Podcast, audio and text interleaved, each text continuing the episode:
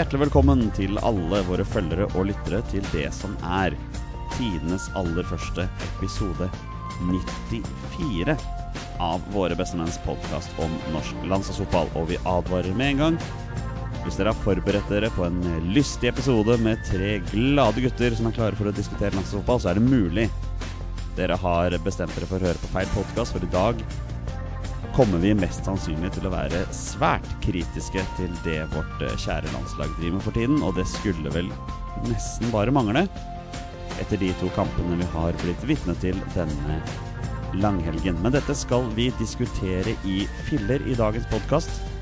Vi er ikke samlet her i Bestemenn Studios, det er kun jeg som sitter her, men takket være denne fantastiske oppfinnelsen som kalles for Internett, har vi kontakt med begge de to andre i Våre beste menn via Internett. Langt der ute i Oppsal, der sitter hverdagshelten fra Bogerud. God kveld, Petter Hermansen. God kveld, Jonny Olsen. Det blei litt grann niks der, men jeg tror du skjønte hva jeg mente. Ja. Det er veldig bra. Og litt lenger unna Petter Hermansen, ikke på Oppsal, men rett utenfor Bjerke travbane. Han er ikke å spurte sjøl. Han sitter i et rom. Det er Torstein Nyland Børgo. God kveld, Torstein. God kveld, guttebasser. Boys, vi skal snakke stykker disse to landskampene, men vi må ha en intro sånn som vi pleier. Jeg har tenkt å ta en fotballfri intro, og da begynner jeg hos deg, Torstein Bjørgo. Hvordan har helga di vært som ikke er fotballrelatert? Eh, den har vært eh, litt bråkete, for det har vært Oslo Grand Prix på eh, Bjerke i helga. Og så da hørte jeg fryktelig mye tre, to, én, kjør! Og så var det i full gang her med travløp. Så jeg gikk opp på takterrassen og så litt på det. Eh, det var ikke så veldig interessant, for å være helt ærlig. Uh, utenom det så har det vært fryktelig rolig. Uh, det må jeg ærlig innrømme. du sa det ikke skulle være noe fotball, men det er jo sluttspill i Nations League jeg har for så vidt følt meg på, da. Så beklager at jeg dro inn noe fotball i. Ja, men du er tilgitt. Du pleier å være det. Du er jo i tillegg ikke helt i form der du sitter. Nei da, men det er jo som vanlig. Så jeg tror det er greit at vi ikke er i samme rom i dag. Litt, litt småsjuk, men det går helt fint. Petter Hermansen, hvordan har din ikke-fotballrelaterte helg vært? Nei, Den har vært, vært, veldig fin. Jeg har kosa meg sammen med min lille, lille familie. Så egentlig veldig deilig å ha en ekstra fridag hvor du kan være hjemme sammen med babysen. Hun lille Mari blir jo mindre og mindre babys for hver dag som går, vil jeg tro. Ja da, nå nærmer hun seg fem måneder, så det, det går, går, fort fremover. Og neste helg er det jo barnedåp. Ja, det blir kos. Det blir veldig kos, og du kan si sånn at gudfaren han, han gleder seg til barnedåp. Han gjør det. Det, er, det, blir bra. The Godfather. Det blir bra. Det er meg. Jeg har tenkt å spille intromusikken til Gudfaren-filmene uh, idet jeg går inn i kjerka. Du er advart på forhånd. Helt i orden. Der, altså. Helt i orden. Det er veldig bra at du sier det. Jeg sa dette på tull til min kjære samboer Line. Hun likte ikke ideen. Nei, men uh, mellom oss så syns jeg det var en uh, veldig bra idé. Ja, men det er veldig bra. Da kan det faktisk hende jeg kanskje gjør litt alvor ut av det. uh, kanskje jeg skal fortelle om min ikke-fotballrelaterte helg, da. Jeg har tilbrakt pinsehelgen på det glade Sørland, nærmere bestemt på Flekkerøy utenfor Kristiansand sentrum. Der har jeg vært med min kjære hennes mor og samboer samt hennes uh, søster og mann. Og en liten uh, Ja, kan man kalle det for baby når man nærmer seg to år? Nei, man kan kanskje ikke si det. hvert fall en Nei. Toåring der. Vi har tilbrakt helgen på Sørlandet. Var en tur, en tur, en hel dag i denne dyreparken i Kristiansand på søndag. Det var jo kjempehyggelig. Spørsmål. Møtte du på noen familiemedlemmer i Dyreparken? Oh. Nei, jeg gjorde ikke det. De familiemedlemmene du sikter til, var bak lås og slå. Nærmest oh. i bur eller i fangenskap. Jeg regner med at det er de du sikta til. Helt korrekt. Var det renne? Vi, hjem, vi valgte å dra hjem tidlig eh, mandag morgen, altså i går, og det viste seg å være veldig lurt, for her på Sandvika så eksploderte det jaggu meg en hydrostasjon rundt halv seks i går, så E18 ble jo stengt. Dere har sikkert eh, Det er mye, mye drama. Mye drama.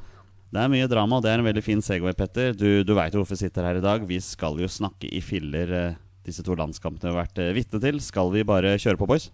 Ja, la oss gjøre det. Kjør. Da gjør vi det. Og et nytt skudd, og det er 2-0! Og det er Rekdal igjen som, eh, som blir matchvinneren med et kanonskudd eh, fra 20 meter. Og det er et veldig fint eh, norsk angrepsspill. Gode prestasjoner over hele linja. Norge har tilbakelagt to nye kvalifiseringskamper til neste års EM-sluttspill, som skal spilles i sånn ca. 160 forskjellige land rundt omkring i Europa. Det har endt med ett poeng mot Romania, og det har endt med en seier mot Færøyene. Fire poeng av seks mulige. Er vi skuffet over dette, Torstein Børgo? Ja, det er vi. Vi prater på det før eh, landskampen at eh, vi skal ha seks poeng. Intet mindre. Eh, nå kommer vi sikkert avslutningsvis til å prate om muligheter videre. Eh, for det, det, ser jo ikke helt håpløst ut. Men eh, vi skulle ha seks poeng. Vi endte opp med fire. eh, og det er for lite eh, i forhold til eh, det vi forventa på forhånd. Petter, hva hvis, eh, hvis Norge hadde holdt inn mot Romania og ikke sluppet inn det målet på slutten, hadde vi da rett og slett sett veldig mye lysere på situasjonen? Ja, ja, ja, ja definitivt. Vi, vi, skulle ha seks poeng i de to matcha her. Eh, fire poeng er Det er to poeng for lite. Og spesielt også, sånn som kampen var mot Romania, hvor vi har, vi har ledelsen til vi går inn i overtiden der. Og da, da er vi altfor lite kyniske, og det er utrolig bittert i, i ettertid. Men er det ikke litt rart å tenke på at vi er liksom én i gåseøyne tilfeldig situasjon som gir 2-2 unna å se tilbake på disse to landskampene og tenke at dette var faktisk ikke så gærent? Ja, sånn er, sånn er fotball, da. Det er, små, det er, små, marginer. Vi har muligheten til å gå opp til 3-1 også ved Elionossi der. Uh, da kunne alt vært, uh, vært mye lysere. Uh, og så, så, blir det 2-2, og vi, vi, står jo på tribunen der og tenker at faen, gutta, dette, dette glipper. Nå, nå glipper det igjen. Um, Torstein Børgo, vi har fått en haug med spørsmål på våre sosiale mediekonto. Og tusen takk til alle dere som har sendt inn spørsmål før denne episoden. Det har vært så mange at vi rett og slett ikke har muligheten til å ta alle sammen. Men ikke vær redde for å sende inn spørsmål ytterligere. Det, det setter vi stor pris på. Vi har fått spørsmål bl.a. fra 20-spørsmålsgeneralen her i Våre bestemenn, Thomas Kristoffer Follerås. Og han spør hva tenker dere om Norges gjentatte kollapser mot slutten av kamper. Hva kan gjøres? Hva er det første du tenker på da, Torstein?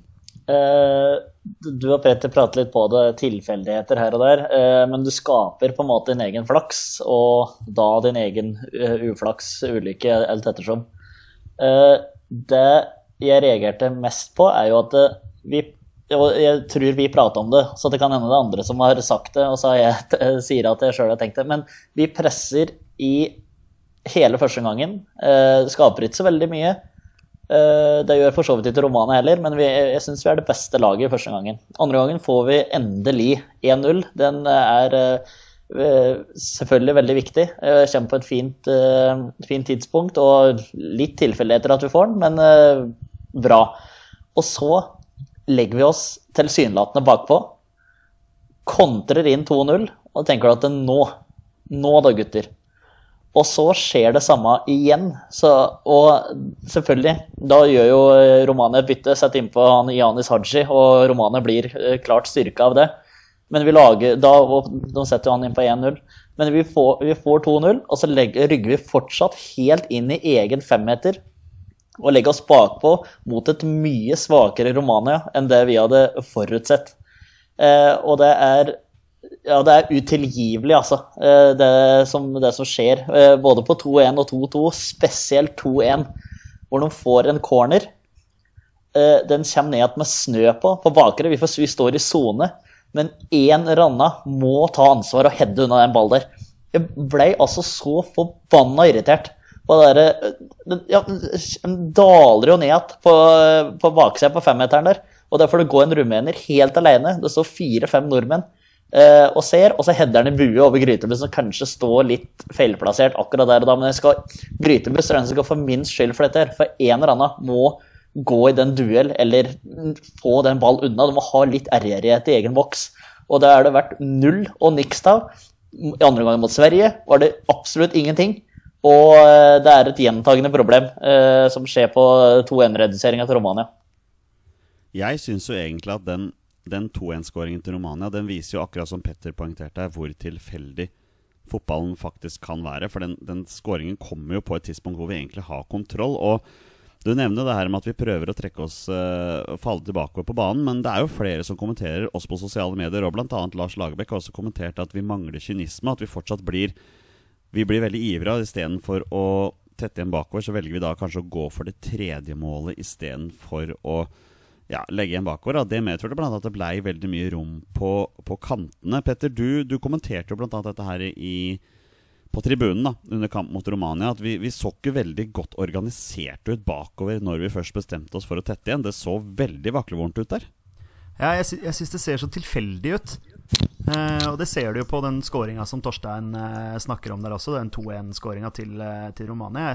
Vi er det man sier i England, all over the place. Altså, det, det jeg syns det ser så uorganisert ut, og ingen har, ingen har, noen, virker det som. Og det er greit at man skal stå i sone, men det er riktig som Torstein sier, du må jo, du må jo i hvert fall følge mann der ballen er. Og det, det, det syns jeg, jeg svikter totalt. Og når det står kan... Ja, sorry, ta den, du. Vi kan jo trekke paralleller til den enorme megasjansen som Færøyene fikk i går på den kontringen, hvor han derre HamKam-spilleren Færø Han får gå helt aleine opp på fem meter og heade den ballen videre. det er det ingen som følger den mannen. Og jeg er veldig enig i det du sier, Petter. at noe av det som jeg tar med meg fra disse kampene, her at vi ser veldig uorganiserte ut på defensive dødballer. At det er veldig mye opp til tilfeldigheter om vi klarer å klarere den eller ikke. Hva tenker du om det, Petter? Jo, jeg, jeg, er helt enig i det. Hvis man, hvis man skal trekke fram én forsvarsspiller fra disse to matchene, så vil jeg trekke fram Kristoffer Ayer, som jeg syns, uh, som, som jeg syns virkelig sto fram. Og hvis jeg kan gi litt ekstra skryt til han, så hvis du ser uh, brytningen hans før 2-0-skåringa vår, når Romania kommer fremover, så er det Kristoffer Ayer som bryter foran en rumener der, eller kommer i duell med rumener, får tak i ballen, og så videre til King, og så gjør jo King et fantastisk forarbeid til videre til Martin Ødegaard, som, som er iskald. Denne Ayer syns jeg virkelig sto fram i, i, begge matchene og kan være en sånn ledertype, men han er ung. Jeg, jeg, jeg syns for så vidt ikke det er han som skal ta det hovedansvaret bak der. I forhold til um, spørsmålene vi har fått fra lyttere, Petter, så har vi også fått et spørsmål fra Espen B. Uh, basert på hans Twitter-bilde, så ser han ut som en Vålerenga-supporter, i hvert fall. Um, Hvorfor er det så dårlig lederskap når vi leder kamper og slipper inn på slutten? Er ikke landslagsspillerne smarte nok i hodet til å unngå slike blemmer helt av seg selv? Bør man kunne forvente en tøffere mental innstilling hos spillerne våre? Og da tenker jeg litt på det Lars Lagerbäck også. Han virket jo veldig frustrert etter Romania-kampen på at spillerne ikke tok de beskjedene, at de ikke klarte å være kalde nok. Og det er også noe av det vi så på tribunen her, at kynisme er ikke noe vi har blitt spesielt gode på i det siste. Nei, vi er, eh, vi er, så lite kyniske, og det er jo det vi, eh, vi roter bort eh, tre poeng mot Romania på. se på, på 2-2-skåringa til Romania. Se på presset til Henriksen. Det er spilt 91 minutter. Da skal du faen meg hive deg foran den ballen. Den ballen skal så langt vekk. Du skal kaste deg inn i dueller. Men jeg er helt sikker på at i det 91. minutt så er Markus Henriksen så utrolig sliten at han ikke har mer å gi. Han kommer ikke opp i press, og det er vel Haji, tror jeg, som får, får, får slått inn der. Så er det litt klabb og babb også, en tilfeldighet. Men det er akkurat det der, det er, er der jeg savner. Det er det jeg savner. Den derre oppofringa og hvis, hvis Markus Henriksen er så sliten, så må han faktisk bare si fra til Lars at han må ut. Og må, det, er det, det, er det, jeg også savner. Når vi går inn i overtiden, gjør et bytte. Drøy tid. Ta det rolig. Få av en mann som klapper til publikum og bruker dritlang tid.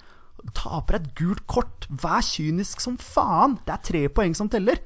Du vil rett og slett ta en eh, Bulgaria, sånn som de gjorde på bortebanen her.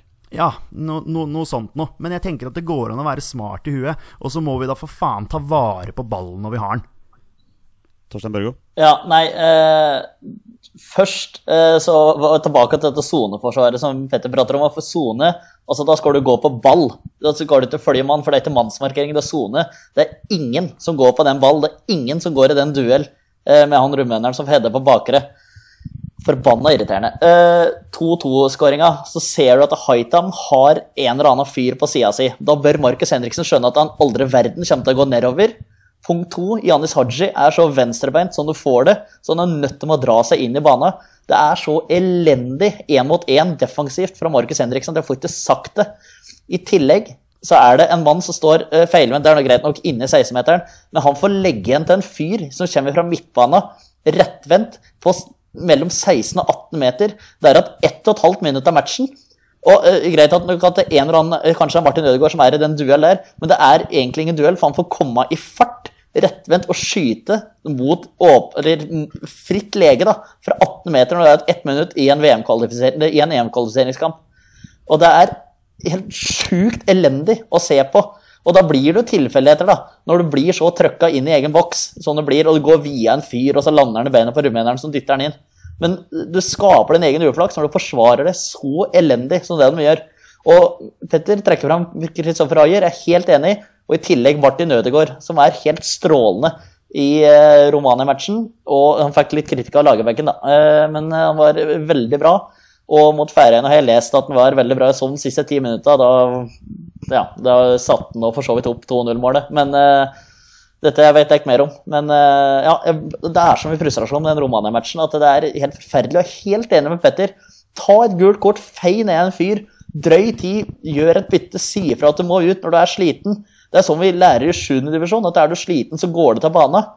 Altså, Nei, jeg blir så frustrert av det at det er uh, huttetu. Petter, um, Tom Torstein nevner her Markus Henriksen var jo den store overraskelsen når vi så lagoppstillingene til kampen mot Romania. Han fortsatte jo på denne kantrollen i kampene mot Færøyene. Uh, vi har fått et spørsmål fra vår faste vikar, Jardar Birkeland. Spør på Twitter blir Markus Henriksen for lite skapende og rett og slett for begrenset som kantspiller. Hva tenker du? Ja, korte svaret på det er jo ja. Uh, han har ikke de ferdighetene som jeg i hvert fall ser etter hos en uh, kantspiller.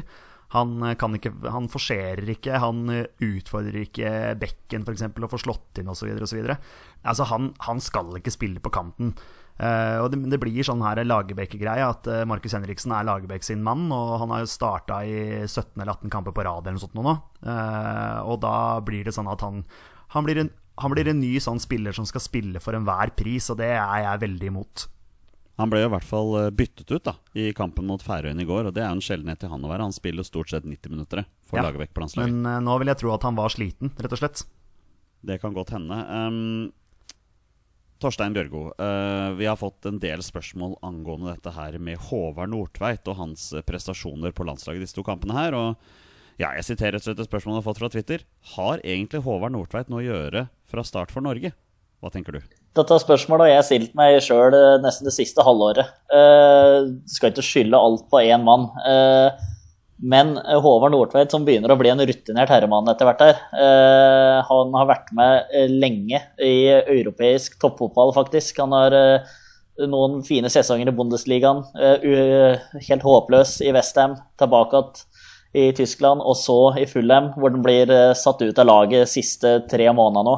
Og det er nok ingen tilfeldighet. Eh, landskamper nå, eh, så han er for så vidt eh, grei, men det er et par feil i hver eneste omgang som er Det er helt på trynet! Så mot Romania-matchen, så skulle han uh, vende, vende, spillet. Han, han, sto, ja, han sto helt feilstilt med kroppen sin, i hvert fall. Og så skal han vri ball over til Martin Ødegaard, nei, til Markus Henriksen. Eh, og han har ikke sjans til å klare det, så det blir en livsfarlig kontringsmulighet for Romania, som de heldigvis ikke klarer å utnytte. Det er en ny crosser som hun bommer med ti meter på huet til Markus Henriksen og går langt utover sidelinja. Det er, eh, han går i dueller, og jeg føler det bare er tilfeldig når han vinner og når han ikke vinner disse duellene.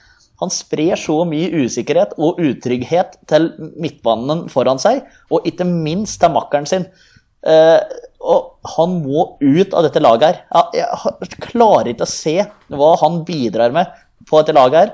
Uh, vi har uh, Spania-matchen. Det, det, er han som slår det elendige tilbakespillet, er det ikke det? Jo, det jo. mener jeg der. ja. Mot Sverige så er det, da er det få valg å via han og inn. selvfølgelig, Det skal ikke han få skylda for.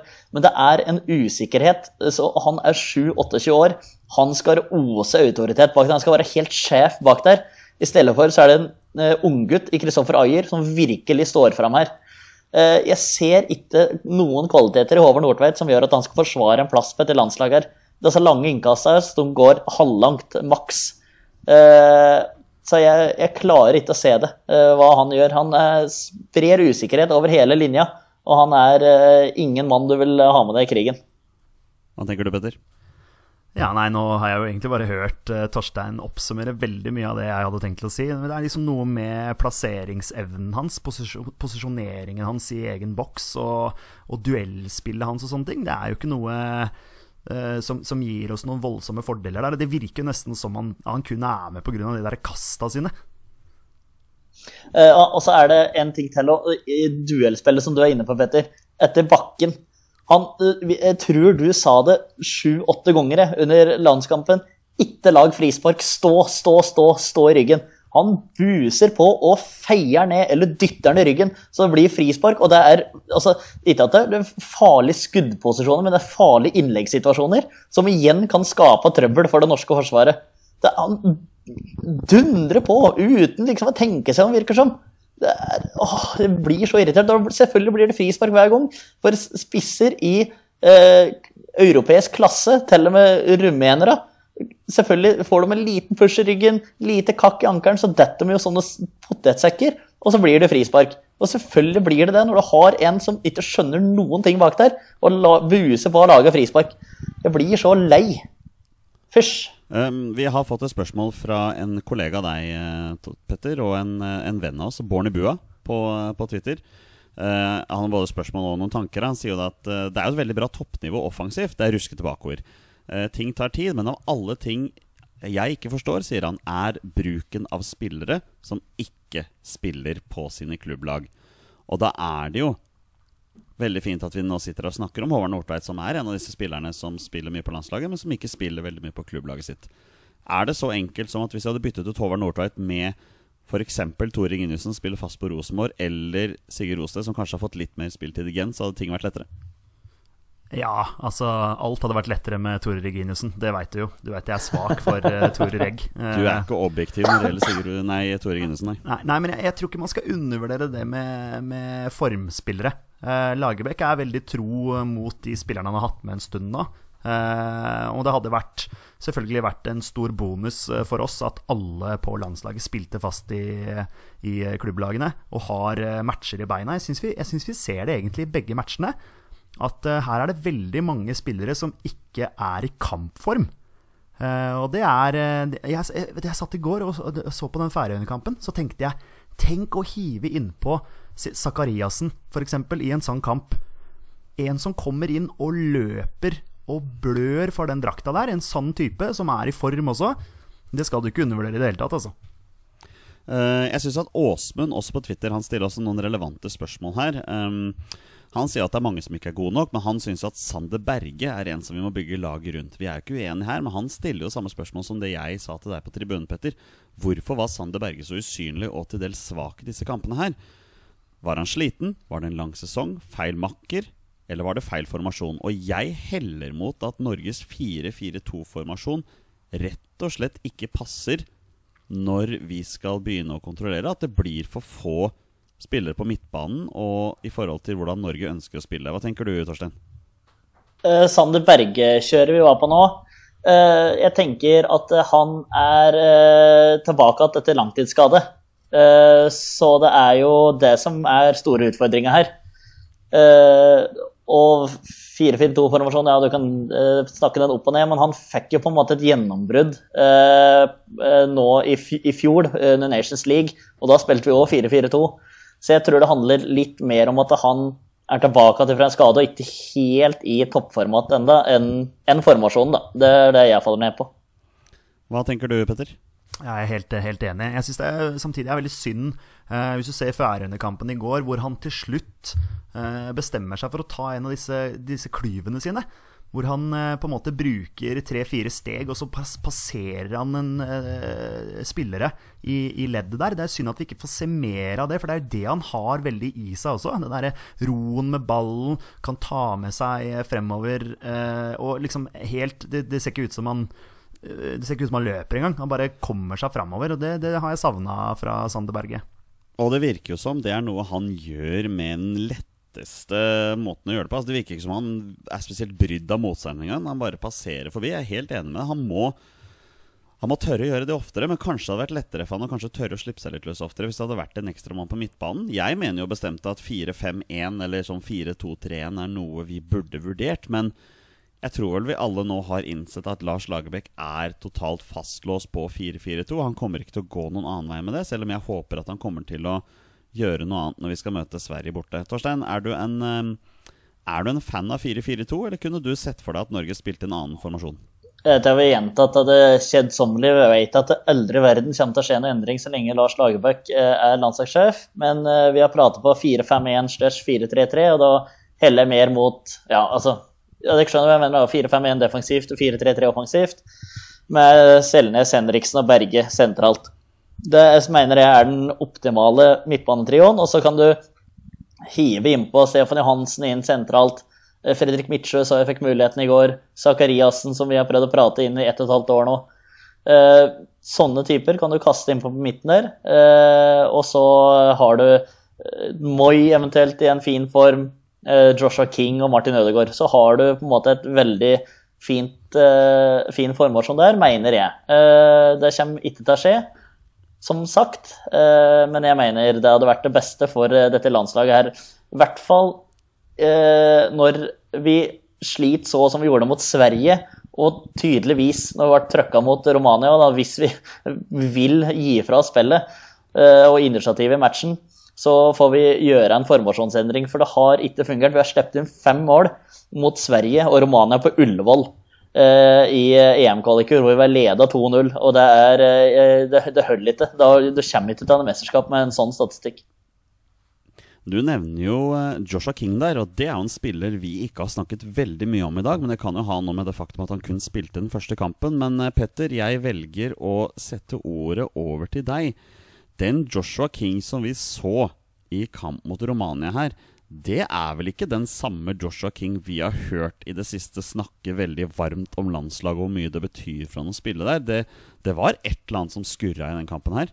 Ja, jeg, jeg tror han har slitt med en, eh, med en skade. Eh, noe som, som, gjorde at han måtte stå over mot eh, Færøyene der. Jeg syns han var på han var på 80% Du har den, eh, den gigantsjansen han blir spilt igjennom eh, mot Romania der og, og skal runde keeper. Det, det, det, ser så daft ut. Det virker ikke som han var 100% og ja, skal man ha med spillere på landslaget som ikke er 100 Se, se, se på, se på Moi, f.eks., som i kjempeform er en fantastisk kantspiller som jeg elsker å se på landslaget. Men han er bare med i troppen, og så blir han ikke brukt engang. Da er det ikke noe poeng å ha han med. Da er det bedre å ta med en annen kantspiller, som kanskje spiller i Eliteserien, som har kampformen inne og selvtilliten i, i orden, og bruke han istedenfor.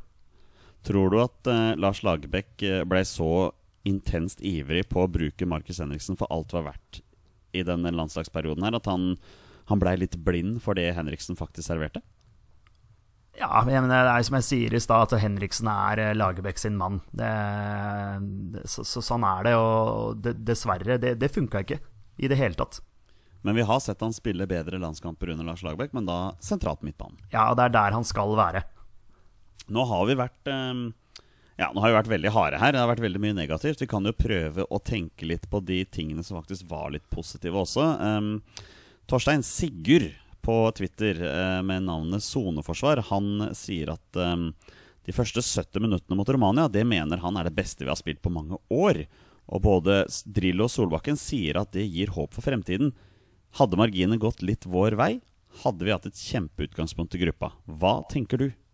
Ja, men det er, jo, jo, det er jo resultatet som vi sager, og det er noen enkeltmannsprestasjoner. Eh, men selve kampen Jeg syns det, det, det, er solid, men det er det som, som jeg blir så skuffa over, da, eh, er at du gir fra deg initiativet når du har trøkka Romania bakover. Som jeg tror de norske spillere kanskje har vært litt overraska over hvor svake Romania var. At eh, vi gir fra oss initiativet når det er at 20 minutter av matchen. At vi ikke fortsatte kunne prøve å trykke på. Jeg syns det ble mye mer sporadisk, og folk var overalt. Og det var litt sånn, ja, akkurat all over the place, da, som eh, Petter var inne på i stad. Eh, det hang, det hang ikke på greip den siste 20, men de første 60-70 minutter er jeg helt enig. Jeg syns det var en kjempefin landskamp og veldig fortjent at vi leda.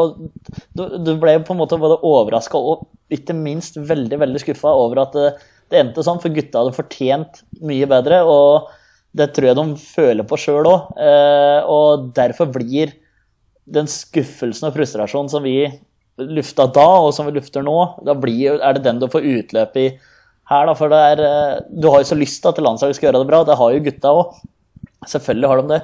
Eh, og det er en så go og positiv energi i det norske landslaget nå. Og, og når det da ryker mot svenska, det får nå så være den ene gangen.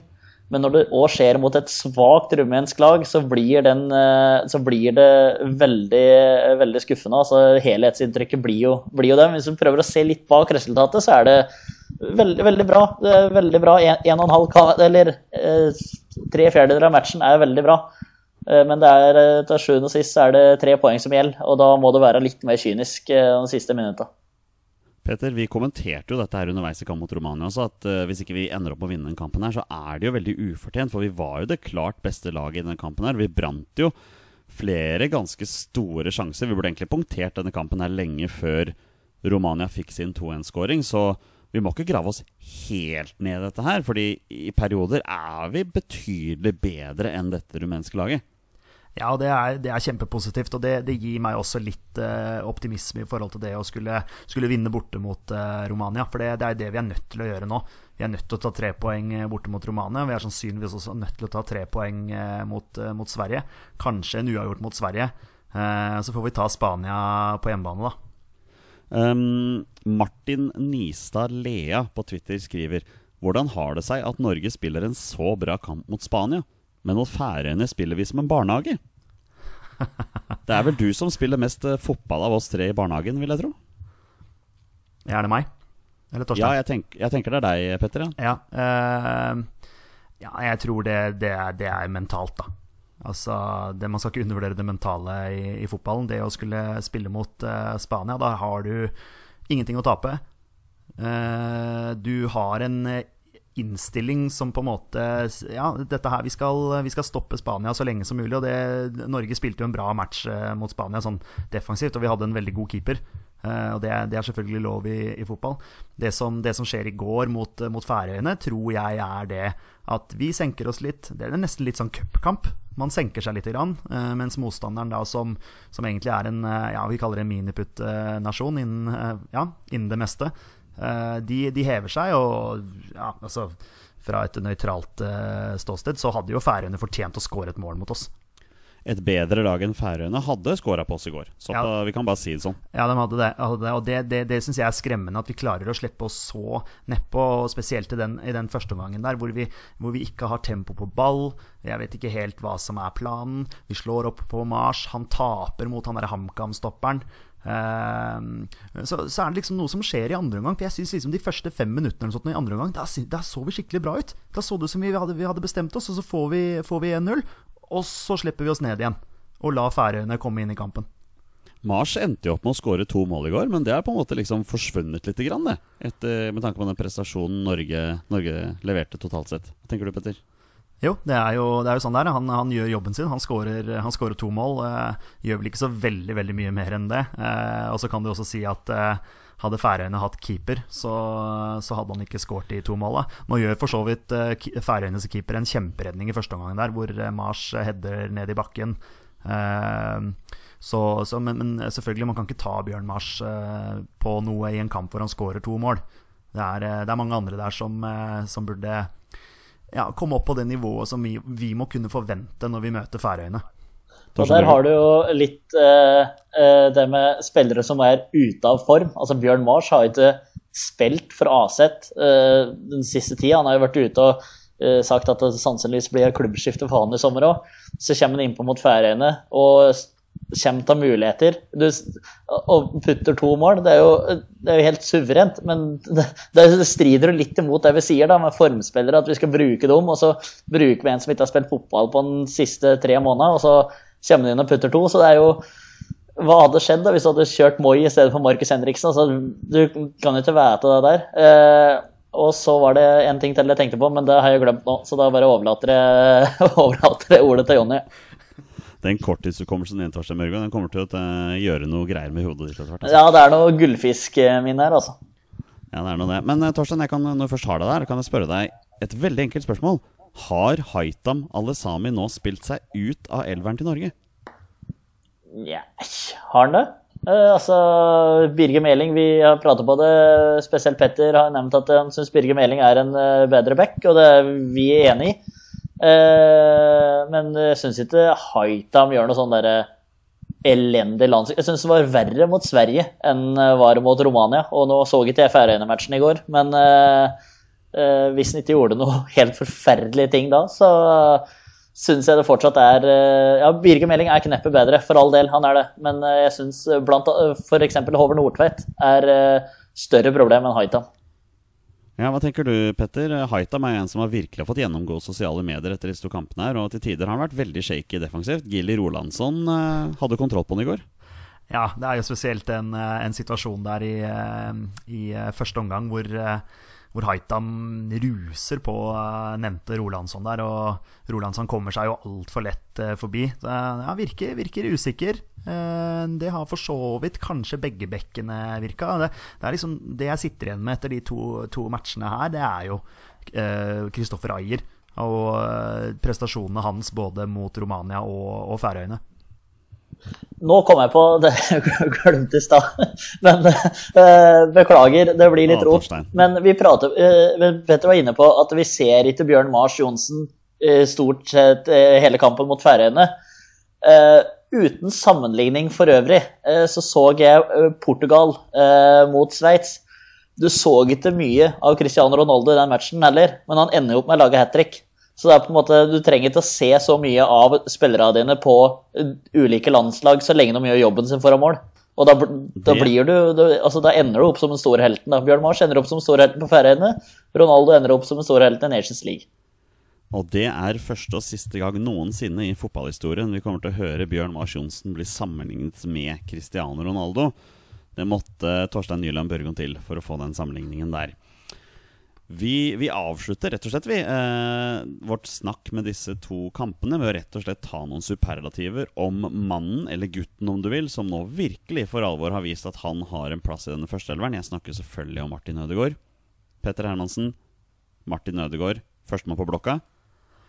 Ja, han var, eh, han var, fantastisk. Han var strålende mot, eh, mot, Romania. Jeg tror det må være beste kampen han har spilt. Eh, ville ha ball, treer igjennom, eh, spiller med selvtillit. Og apropos formspillere, eh, han er jo en av de største formspillerne Norge, Norge har. Og ja, han viste seg veldig Viste seg fra en veldig, veldig bra, bra side. Jeg skal innrømme at jeg har vært veldig skeptisk til å bruke han på kanten, men jeg har blitt mer og mer trygg på at den høyrekanten kan være hans for tja, nesten evig alltid, med tanke på at nå varierer han veldig også i forhold til at man er vant til å se at han trekker veldig mye innover, men nå har han begynt å trekke litt utover også. Han er veldig flink til å ta i bruk Omar som kommer rundt på sida der.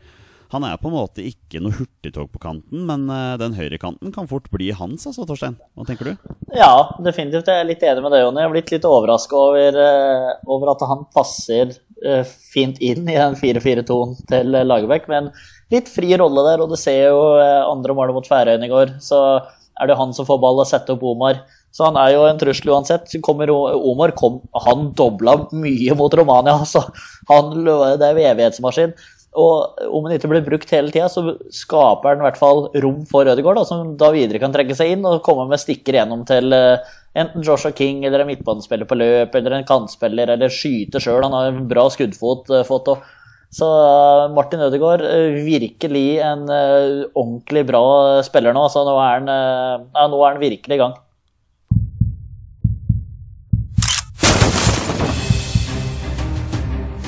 Er han nåværende landslagsspiller? Er han utenlandsproff? Er han fortsatt aktiv? Er han back? Har han spilt for Rosenborg? Mine damer og herrer, det er nå tid for 20 spørsmål. Nå har det vært en eh, forholdsvis lang episode med veldig mye snakk om, eh, ja, om disse to kampene, så vi skal avslutte sånn som vi pleier, med en runde med 20 spørsmål som denne gangen skal foregå over the world wide web. Petter og Torstein har prøvd dette før, og det har gått veldig bra, så vi får se om de klarer det også denne gangen. Reglene er som følger. Petter og Torstein har 20 ja- og nei-spørsmål på å komme fram til spilleren jeg har funnet fram. Og det er da en spiller som har minst én A-landskamp for Norge. Og bonusregelen i Våre bestemenn er som den pleier å være. Når de gjetter navnet på en spiller, er spillet over, og de har vunnet eller tapt. Da spiller vi 20 spørsmål, mine herrer. Vær så god. Takk for det, Jonny. Uh, Hjertelig. Hjertelig. Jeg tar bare altså kjører i gang, jeg. Uh, Det kan jo være litt vanskelig med kommunikasjon, og det kan hende vi blir bablen litt i munnen på hverandre, men vi skal prøve så godt vi kan å la det være. Uh, Er han fortsatt aktiv? Nei. Er han en forsvarsspiller? Nei. Er det en midtbanespiller? Nei. Er det keeper? Ja. Oi, oi, oi, oi, oi. Vi skal på keeperen. Han kjører keeperen i dag. Oi, oi, oi, oi. Kan det være Thomas Gill? Igjen? Jeg tror han har vært før. Ja, men det er jo, det er jo standardspørsmål, dette der, da.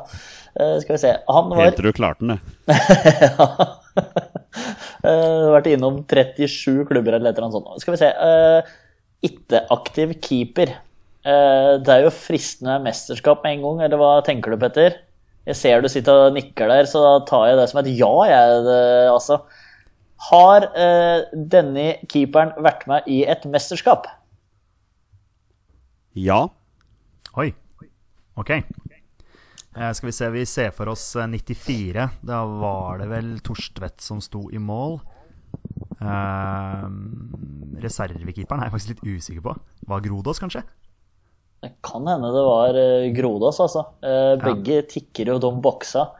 Eh, Vi kan jo høre om det var et VM eller EM, da. For hvem sto i EM? Da mener jeg det er sånn Frode Olsen, Thomas Myhre Thomas Myhre sto i eh, EM. eh, også, Men var Grodås sto- med da? Gro Grodås eh, sto i eh, 98, i hvert fall. I, I VM.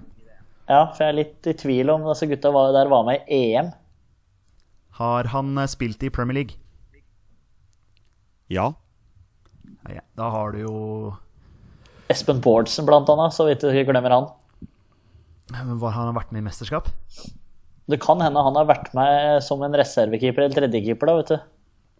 Ja. eh, Jeg lurer på om vi har hatt Frode Grodås før. Det kan være. Eh, Og jo, for han har jo Han hadde vært innom Tottenham, han òg. Husker du ikke det? Ja, jo, det stemmer. Ja. Men, men det er jo litt eh, interessant å spørre om denne keeperen har spilt i mesterskap, fordi du spurte om han har vært med i mesterskap. Så han Ja, kan ha vært med det- i troppen. Helt riktig. Spør om det, du, Petter. Har denne keeperen spilt EM eller VM for Norge? Ja. Ok. Ok. Uh, Fant han vi ut Han har spilt i Premier League, han har spilt mesterskap for Norge, EM eller VM, da. Eh, Og da er det jo Torstvedt i 94. Ble Torstvedt utvist i en match der? Eller var det i kvaliken, det, kanskje? Da har ikke jeg sett nok hvem- høydepunkter. Men, men, men se for deg Premier League-keeperne, da. Eh, Erik Torstvedt, Frode Grodås, Thomas Myhre. Eh, og så spørs det jo hvem som var eh, reserve i 98. For eh, Espen Bårdsen har ikke fått noe minne ut i en VM- eh, eller EM-kamp. Det, det kan godt hende, Torsegutt, men eh, jeg er usikker på det, altså. Eh, Vi kan eh, høre om eh, han her eh, har spilt i Tottenham, for da har du jo alle tre keepere der, da. Og så har Ja, vi, hvis vi har hatt Frode ja, Grodås før, så er det Thorsvedt eller uh, Bårdsen. ta den. Ta den. Har denne spilleren spilt for Tottenham? Ja. Ja, ok. Da er det fort eh, Det er fort Torstvedt, tror du ikke det? Det er fort uh, Torstvedt, men vi kan eh, høre om han er ekspert i Premier League-sendingen på TV 2 nå. Det, det går an. Eller det er ikke bare Premier League-sendingene, men eh, han var jo, var jo vært med nå i EM-sendingen også. Ja, det er riktig. Eh, vi kan høre om han er flenskalla. Nei, det har vi ikke lov til. Det er riktig. Og han blir kalt The Viking. Eric the Viking. Eh, nei, vi har ikke lov til å tulle på med navn heller, så um, har, Var Espen Bårdsen i Tottenham når de vant FA Cup-finalen, da? Nei, jeg, jeg vet altfor lite om Espen Bårdsen. Jeg vet at han, eh, han la opp i ung alder for å bli eh, ja, et eller annet eh, big businessmann. Jobber denne eh, keeperen i eh, TV 2? Ja. Ja, det er det, det, er det Thorstvedt. Da er det Thomas, Thomas Myhre, han eh, jobber jo i eh, Eurosport. Ja, og vi kan jo bare dobbeltsikre en om uh, har en sønn som har vært med i U20-VM. Den, den er fin. Har han en sønn som har vært med i U20-VM? Ja. Ja, men da tror jeg vi har den, altså, Petter. Skal ikke kjøre kontrollspørsmål om han spilte for Norge i VM 94 eller noe. Nei, Jo, det kan du gjøre. Gjør det, du. Nei jeg, vi trenger ikke det. Vi trenger ikke det. Bare for å kaste, kaste bort eh, spørsmål. Jonny Normann Olsen. Nei, ikke noe. Jeg, Ja. jeg venta Ja. på, Ja. på en ja der. Okay. Oh, ja, unnskyld. Ja. Er det Erik eh, The Viking Torstvedt? Gutter? Det er Erik Thorstvedt. Ja da. Ja da. Den er, den er viktig. Den er High five. Men, men ja, high five. High five. Klask. Det var, det var to sekunders forsinkelse på den. Veldig. Så til min eh, store overraskelse navnet til Erik Thorstvedt eh, veldig, veldig høyt på lista over spillere som eh, jeg har Ja, jeg rett og slett landslagsoversikten. Og så tenker jeg at jøss, den spilleren har vi faktisk ikke brukt. Uh, mannen med 97 landskamper for Norge mellom 1982 og 1996. Så legenden så til de alvor der, altså. Um, Starta sin ungdomskarriere i Madla. Uh, så Viking, men så var han jaggu meg to år i Eik Tønsberg. Før han eh, dro tilbake til Viking. uh, så var det et lite opphold i Borussia Mönchengladbach. Så i IFK Göteborg, før han hadde syv år i Tottenham. Hvor jeg ser til min store overraskelse at han står oppført med 173 kamper og ett mål. Når i alle dager skåret Erik Torstvedt mål? Torstein? Eh, nei, det, det akkurat det vet jeg ikke, men eh, en liten fun fact. Eh, min far har skåra mål på Erik Torstvedt når han sto i Eik Tønsberg. Oi! Dette må du jo eh, fortelle mer om. Hva skjedde?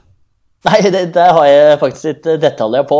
Eh, men eh, jeg tror faktisk at eh, Papsen eh, putta to eh, på Raufoss stadion mot Eik Tønsberg når eh, Raufoss vant 3-1, hvis jeg ikke husker helt, helt gærent ifra det historien har, eh, har fortalt. Så han har, eh, han har Det har han nå, nå, nå skrytt av.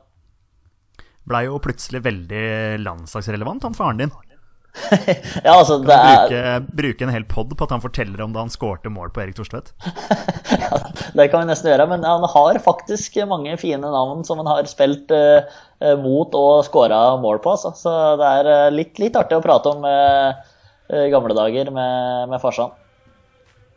Og med den eh, avslutningen der er det da på tide å avslutte denne ukas episode av podkasten vår. Til neste uke så får vi en gjest, og da skal vi jaggu kjøre en liten spesialepisode. Det kommer til å bli veldig interessant. Og Torstein Børgo, jeg vet at du gleder deg veldig til dette her, for du har jo etterlyst en gjest av dette kaliberet, må være lov å si det?